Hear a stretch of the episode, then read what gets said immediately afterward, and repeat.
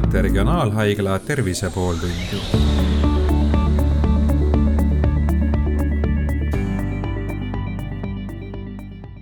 tervist ja tere kuulama Regionaalhaigla Tervise pooltundi, mina olen Hando Sinisalu, täna räägime laste vaimsest tervisest, olen tulnud siia Seevaldi kompleksi psühhiaatria haiglasse ja mul on kolm vestluskaaslast ja ma palungi alustuseks eh, teil kõigil ennast tutvustada ja rääkida lühidalt eh, sellest, millega te oma igapäevatöös tegelete. Eh, minu nimi on Kadri Raid-Laur, mina olen pereterapeut ja siin noorukite osakonnas on minu ülesandeks tegeleda siis nende noorukite endiga ja nende vanematega, nende peredega ja tere, mina olen Kristiina Korits ja olen kliiniku sotsiaaltöötaja ja sotsiaaltöötajana ma tegelen kõikide asjadega, mis puudutab, ütleme siis sotsiaalseid probleeme, suhtlemist koolidega, vanematega, lastega, kõikide ametkondadega ja sisuliselt kõigega. mina olen Mare Serg, olen vaimse tervise õde. et äh, mina siis tegelen äh, mitte ainult vaimse tervisega, vaid tegelikult ka üldse tervisega, aga vaimse tervise poole pealt äh, püüan, et äh, noored leiaksid oma tasakaalu just siin osakonnas, et nende suhted saaks korda ja et nende eakaaslastega saaks suhted korda ja arstidega vestlused oleksid niisugused meelepärased. et see on siis nagu natukene minu töö ka no kui rääkida laste ja noorte vaimsest tervisest, siis äh, millist laadi probleemid on kõige levinumad, äh, mille puhul teie juurde pöördutakse? no ikka sassis suhted. Nad äh, tulevad siia ju tihti kiirabiga, siis on juba ammu mingisugune probleem ära käinud, et äh, üle piiri on äh, mindud koduste suhetega, et tihti sellepärast tullakse. või siis äh, koolis, et ei suudeta oma emotsioone kontrollida. aga need on ikkagi sellised siis väliste tegurite mõjul tekkinud probleemid, mitte niivõrd siis nagu haigused, mis väljenduvad siis selles, et, et tekib vajadus pöörduda arsti juurde kõik saab alguse ikkagi sellest sisemisest segadusest. et äh, kindlasti on ka neid, kellel on äh, noh, kuidas nüüd ütelda, tõsisemaid haigusi, iga haigus tegelikult selle inimese enda jaoks on kõige tõsisem suur mure, tema vanemate jaoks on suur mure aga kui me mõtleme seda vaimse tervise poole pealt just niisuguseid äh, raskemaid, keerulisemaid haigusi nagu äh, psühhoos, skisofreenia ja niisugused asjad, et siis neid meil siiski siinpool on nagu vähem. Et on võib-olla mingisuguse ainete tarvitamisel noh, nagu ajutiselt mingisugused seisundid, kui noor oma Äh, keskkonda ja oma päevaplaani muudab, äh, korralikult koolis käib, äh, vanematega läbi saab, siis tegelikult noh, niisuguseid probleeme ka ei ole, kus me sirutame käe mingisuguse sõltuvusaine järele. No nüüd äh, igal inimesel ilmselt on elus hetki, kus ta tunneb, et, et nagu nii-öelda rahvakeeli ju, juhe on koos või enam ei jõua. äh, ja noh, enamasti need lähevad ise mööda, aga ilmselt on mingid olukorrad, kus nad ei lähe ise mööda ja on vaja pöörduda siis professionaali poole abi saamiseks, et kas te oskate anda nagu mingi soovituse selle kohta, et et mis hetkel on asi nüüd nii tõsine, et peaks otsima abi ja mis hetkel on tegemist selliste probleemidega, mis lähevad ise üle, kui natuke välja puhata ja, ja, ja, ja nii-öelda aega anda, et asi, paljud asjad lahenevad ju tegelikult aja jooksul ka ise ära. et, et mis see, mis see selline ohumärk või, või selline punane latern või, või kuidas seda iganes nimetada on, kui, kui peaks pöörduma teie poole? no üldiselt on nii, et, et nagu eelnevalt võib-olla ma tahaks täiendada, et me oleme alati öelnud, et äh, see ei teki üle päeva, et see ei ole gripp, kus sa kellaajaliselt võid öelda, et nii, nüüd mul see hetk hakkasid lihased valutama, tõusis palavik, ma jäin grippi. et kogu see vaimne tervis, ütleme, see annab tasapisi ennast tunde, et kui alguses sa paned tähele, et lapsel kõht valutab, kui ta peab mingisse tundi minema ja teinekord laps ütleb juba aegsasti, et tead, et mul hakkab reedel vist kõht valutama ja siis hakkad mõtlema, et mis siin toimumas, et mingi õpetaja. Siis, kui igapäevaelu toime tuleb, hakkab segama. ütleme, või see, kui see haigus hakkab segama või see tunne sees on niivõrd paha, et mu igapäevaelu on häiritud, siis on mõttekas pöörduda spetsialistile.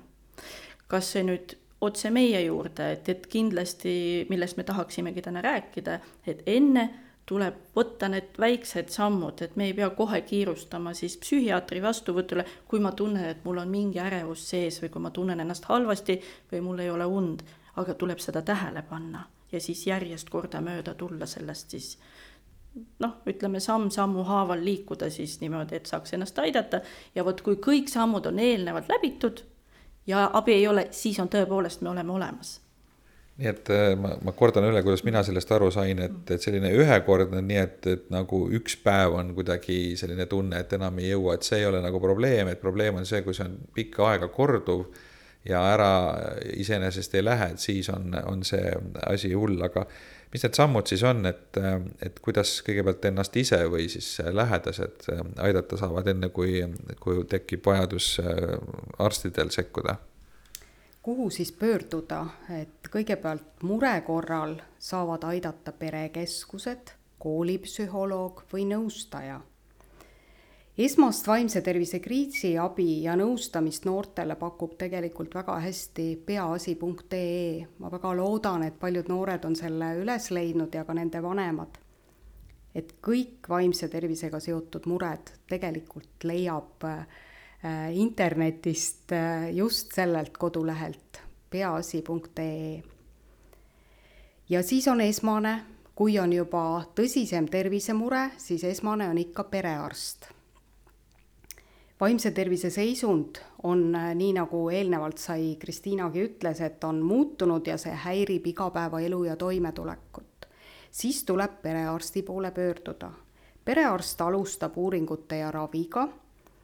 ja kui nooruk vajab vaimse tervise valdkonnas neid lisauuringuid, vot siis võtab perearst ühendust siis juba lastepsühhiaatriga e-konsultatsiooni kaudu. Ja kui on vaja näiteks retseptipikendusi, kui on hüperaktiivsed äh, noored äh, lapsed, et siis ka nende puhul tegelikult saab esmaselt perearst ja äh, siis juba, kui lastepsühhiaater on eelnevalt selle ravi nendele kirjutanud. et uuringud toimuvad põhiliselt siis meie majas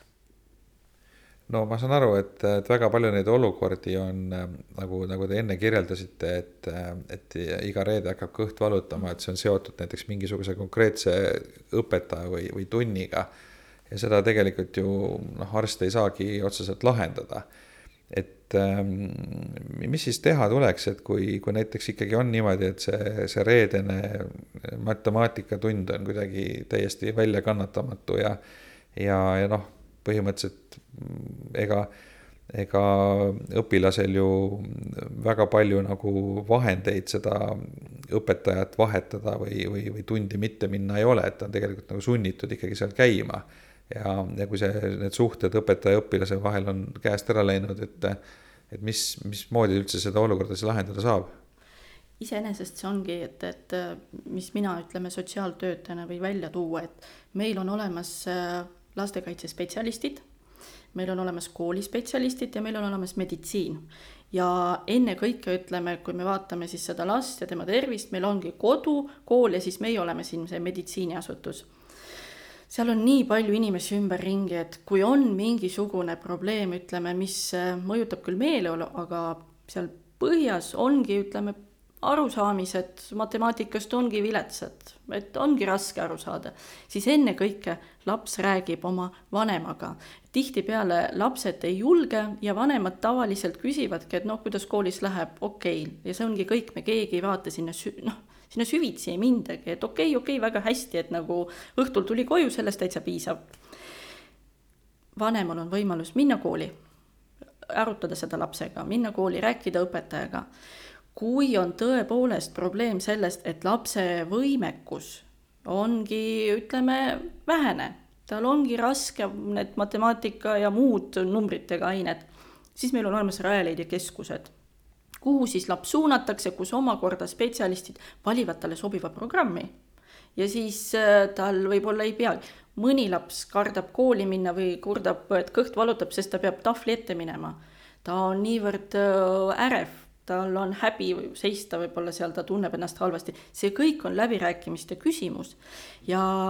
nii naljakas, kes ka ei ole, väga suur arv lapsi, kes satuvad meile, ongi,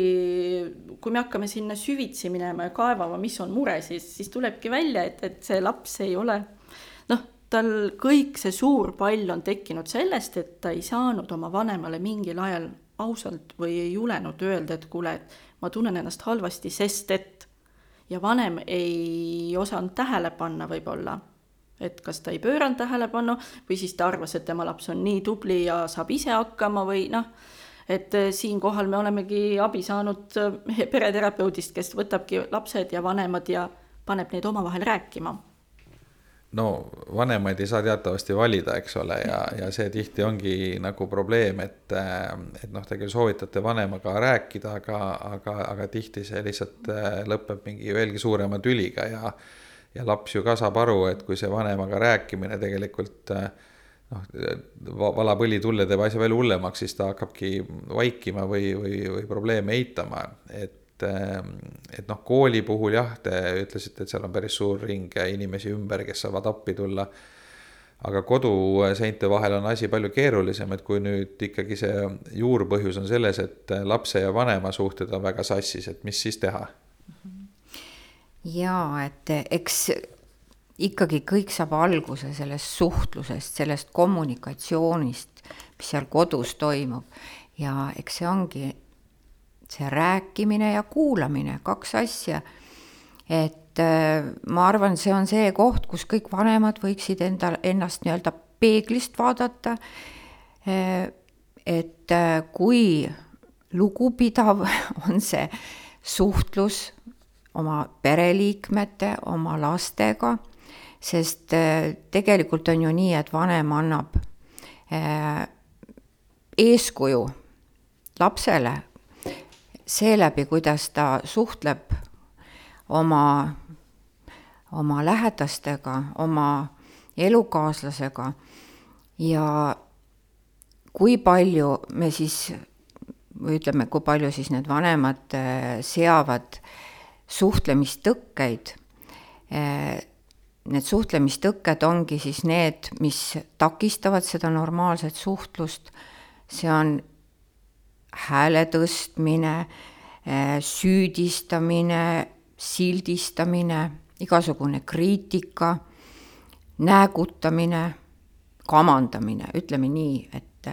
et eh, kui palju seda seal vanema ja lapse suhtes on, see on ju kõik see, mis rikub, tekitab äh, usaldamatust, laps ei taha enam vanemale rääkida oma asju, ta kardab seda vanema reaktsiooni ja niimoodi jätabki pigem endale, enda teada. ja, ja nii hakkavad siis äh, nagu lumepallid veerema need, need arusaamatused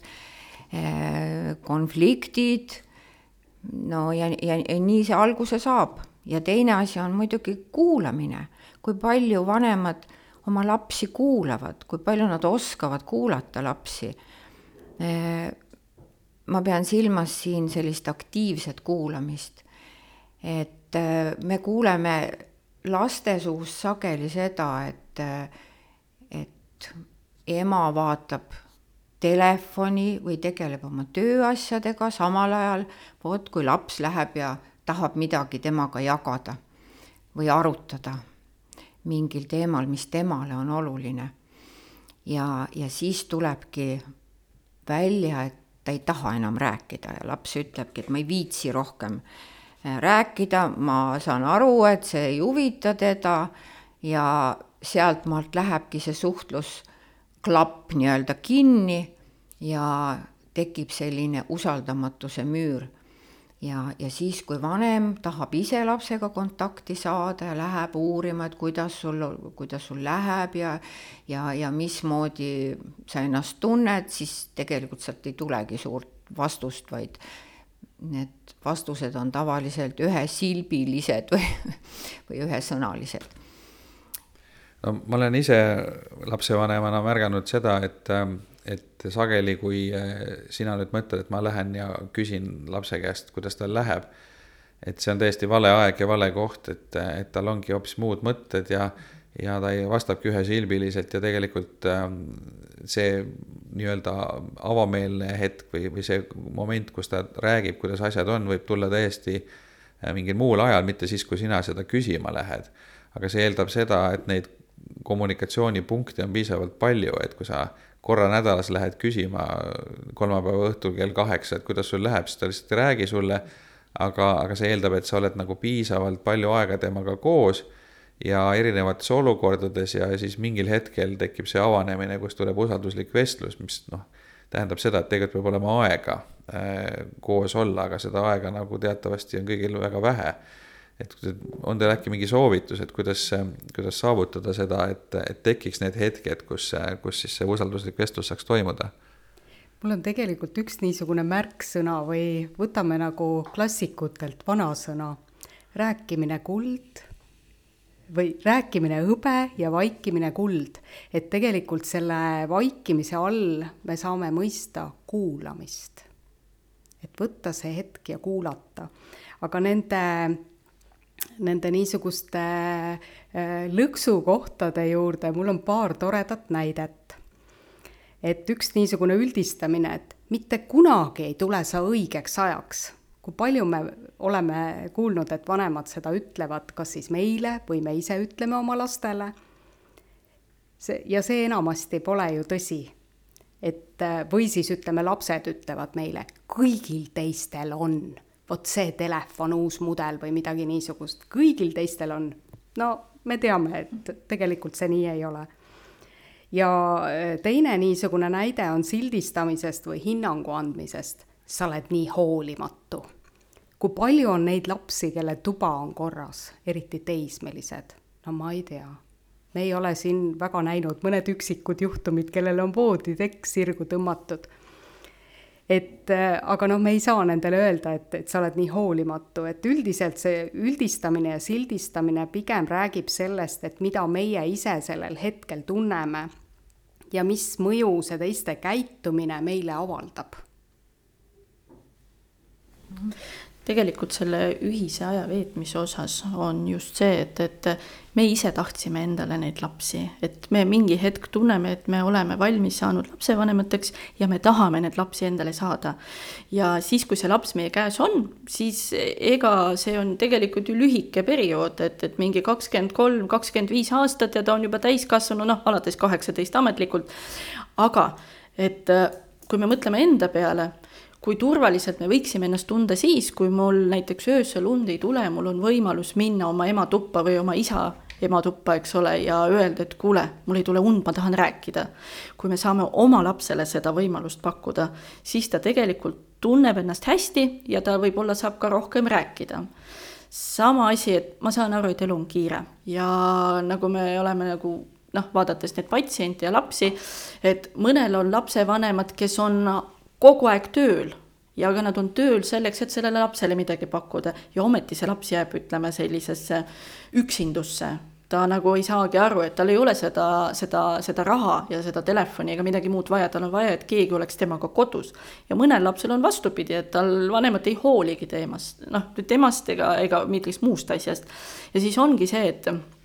vanasti võib öelda, et see näiteks ühises lauas söömine ja, ja koos aja veetmine, et loomulikult, kui laps ongi niimoodi tänaval jooksnud sõpradega ja ise telefonis või nutiseadmes mänginud ja siis järsku neljateist või kolmeteistaastaselt vanem ütleb, kuule, lähme nüüd jalutame linnas. ükski nooruk ei taha oma vanemaga koos kuskil käia, sest see ei, ei, ei kõlba talle sellises vanuses võib-olla, eks ole. Kui see laps on harjunud, et teda igale poole võetakse kaasa,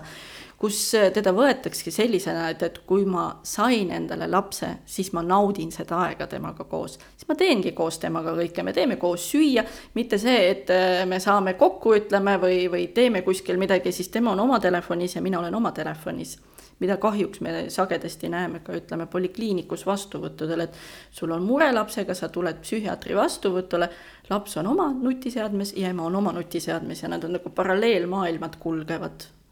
ja siis korraks panevad ära, lähevad arsti juurde ja siis tulevad välja ja siis igaüks jälle vaatab oma mingit linti, scroll ib. see või noh, jah, väärsõnad kahjuks vabandan, aga et see ongi see, et, et mida rohkem me veedame nendega aega koos no varsti on äh, tulemas äh, jõulud ja jõulud on see aeg, kus äh, tavaliselt tekivad suured tülid, kuna inimesed, üksteist armastavad perekonnaliikmed saavad kokku ja, ja siis noh, sellised filmidest tuttavad näited, et, et küsitakse, et kas sa oled juba endale töökoha leidnud või kellelegi teisele öeldakse, et sa oled kaalus juurde võtnud ja, ja sellest piisab, et kogu õhtu ära rikkuda et noh, ühes, samal ajal need, kes niimoodi ütlevad, oma arvates ju soovivad head, eks ole, et nad nagu tahavad manitseda või nõu anda või midagi, aga samal ajal see, kellele seda öeldakse, see võtab seda isiklikult solvumisena ja, ja nii need tülid tulevad, et et ma isegi nägin ühte nimekirja, kus oli nimekiri asjadest, mida jõuluõhtul tuleb igal juhul vältida. üks teema oli kehakaalu küsimus näiteks, et sellest ei tohi mitte mingil juhul rääkida ja noh, neid oli seal veel et, ähm, et mis, mis teie soovitused on, et kui nüüd saavad pereliikmed üle hulga aja kokku, võib-olla vanema, vanavanemad ja lapselapsed või, või, või siis ka lahus elavad vanemad oma lapsega ja on siis selline sünnipäev või, või muu pidulik sündmus. et, et kuidas seda nagu noh, ja, ja, ja eeldame, et seal on mingi teatud selline võõristumine alguses, kui inimesed pole ammu ka kohtunud. et, et kuidas nagu saavutada seda, et see asi ei lõpeks tüliga, et, et milline selline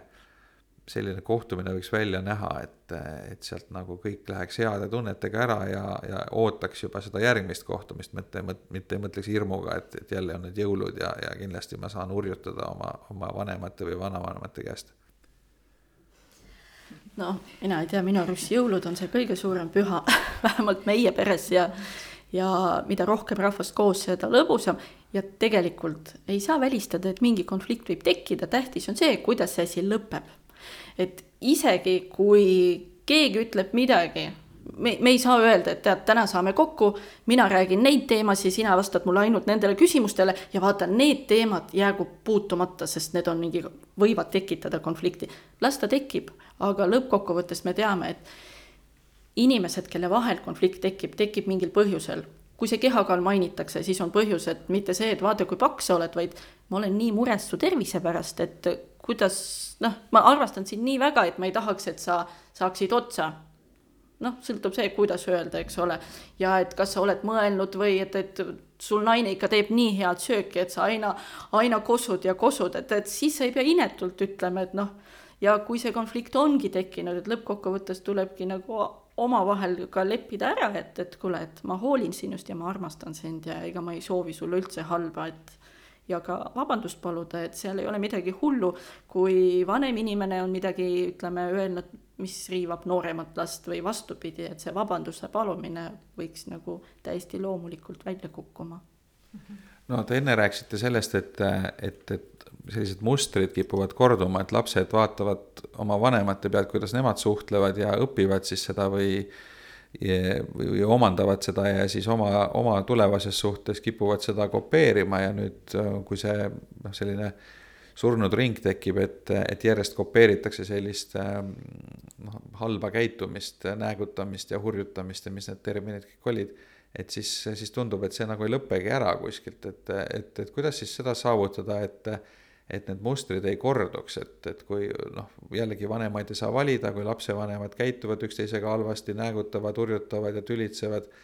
et, et noh, see on enamasti ju lastele nagu peamine eeskuju, kuidas õppida enda suhete jaoks, et kas seda, seda ahelat on kuidagi võimalik murda ka, et, et lapsed nagu sellest välja saaks, sellest surnud ringist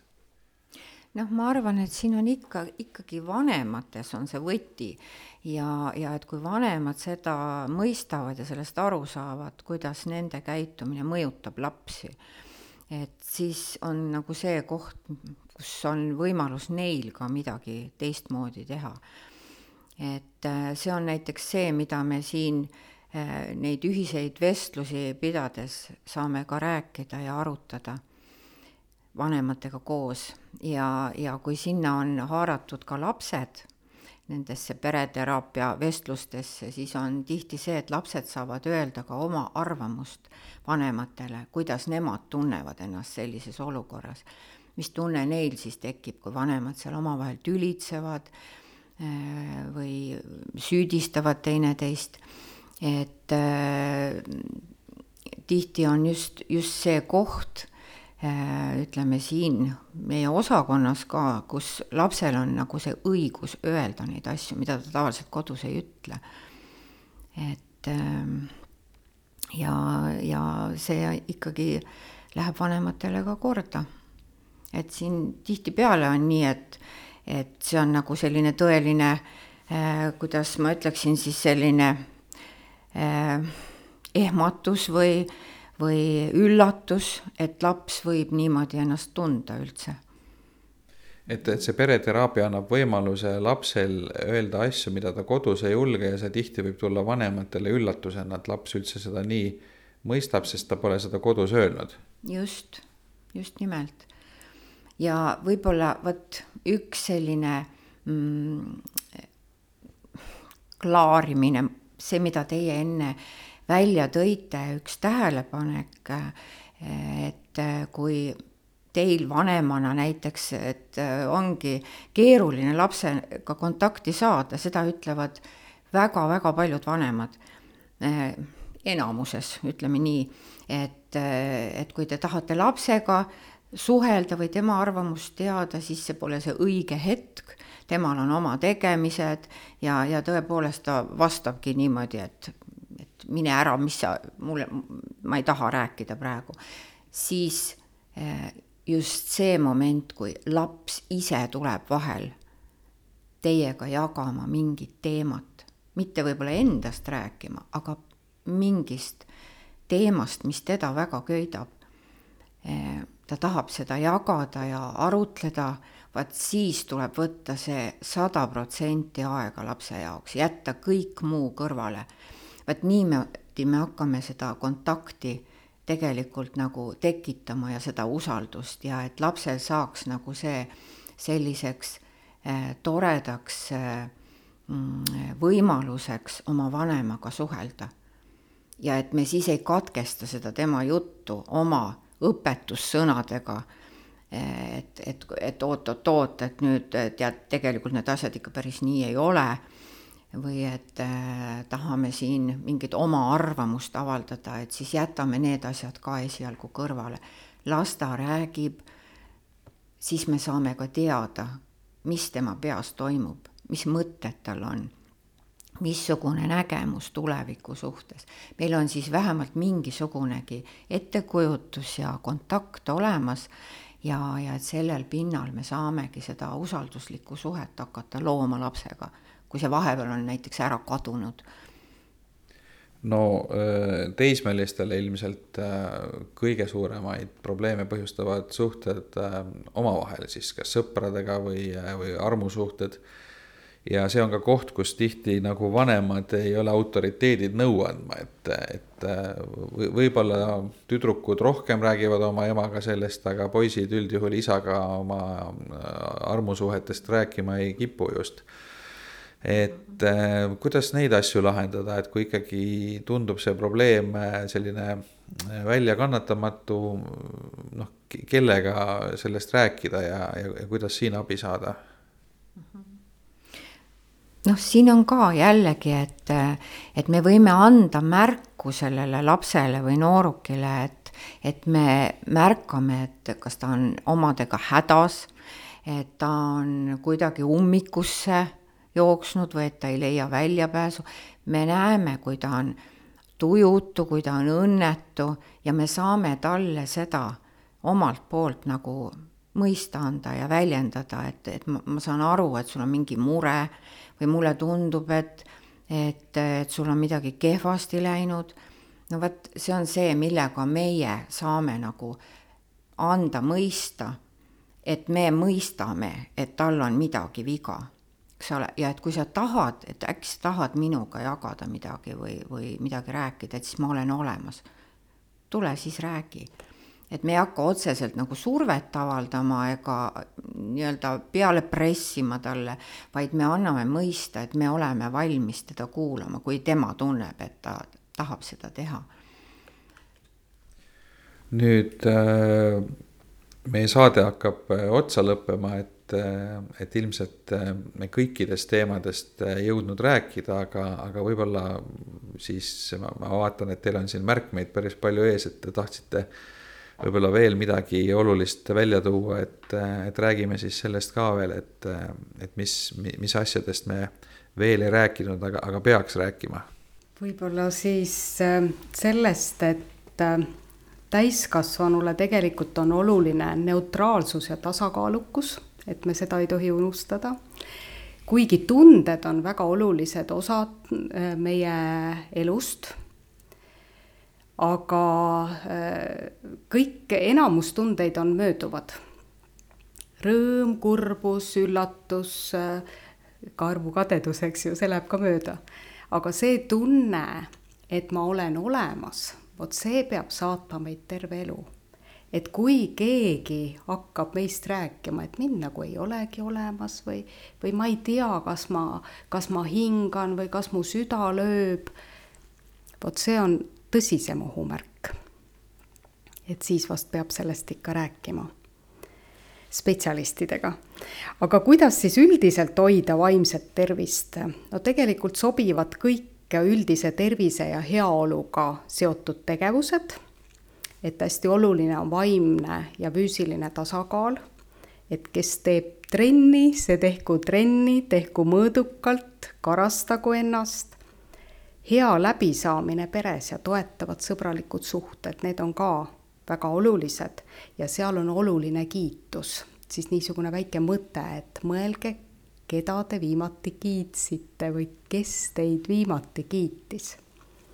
hea eeskuju on väga suureks kasuks, see, et on tahe areneda ja targaks saada, see, et on võimalus õppida. Ja üldse igasugune soov äh, muresid lahendada hoiab ka meie vaimset tervist. see, kui meil on oma kodu olemas, meil on oma suhtlemine ja omad sõbrad olemas, kui meil on oma töökoht või siis äh, laste vaatest, äh, noorte vaatest, meie vanematel on töökoht. vanemad võib-olla ei saagi aru sellest, et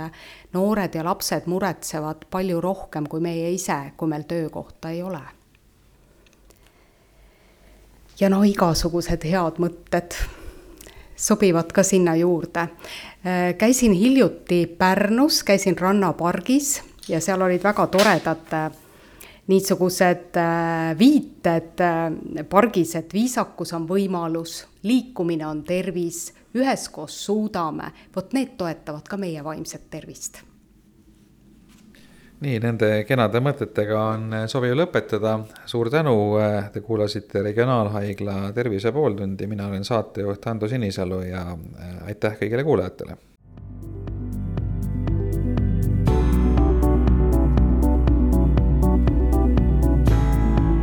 kuulate Regionaalhaigla Tervise pooltundi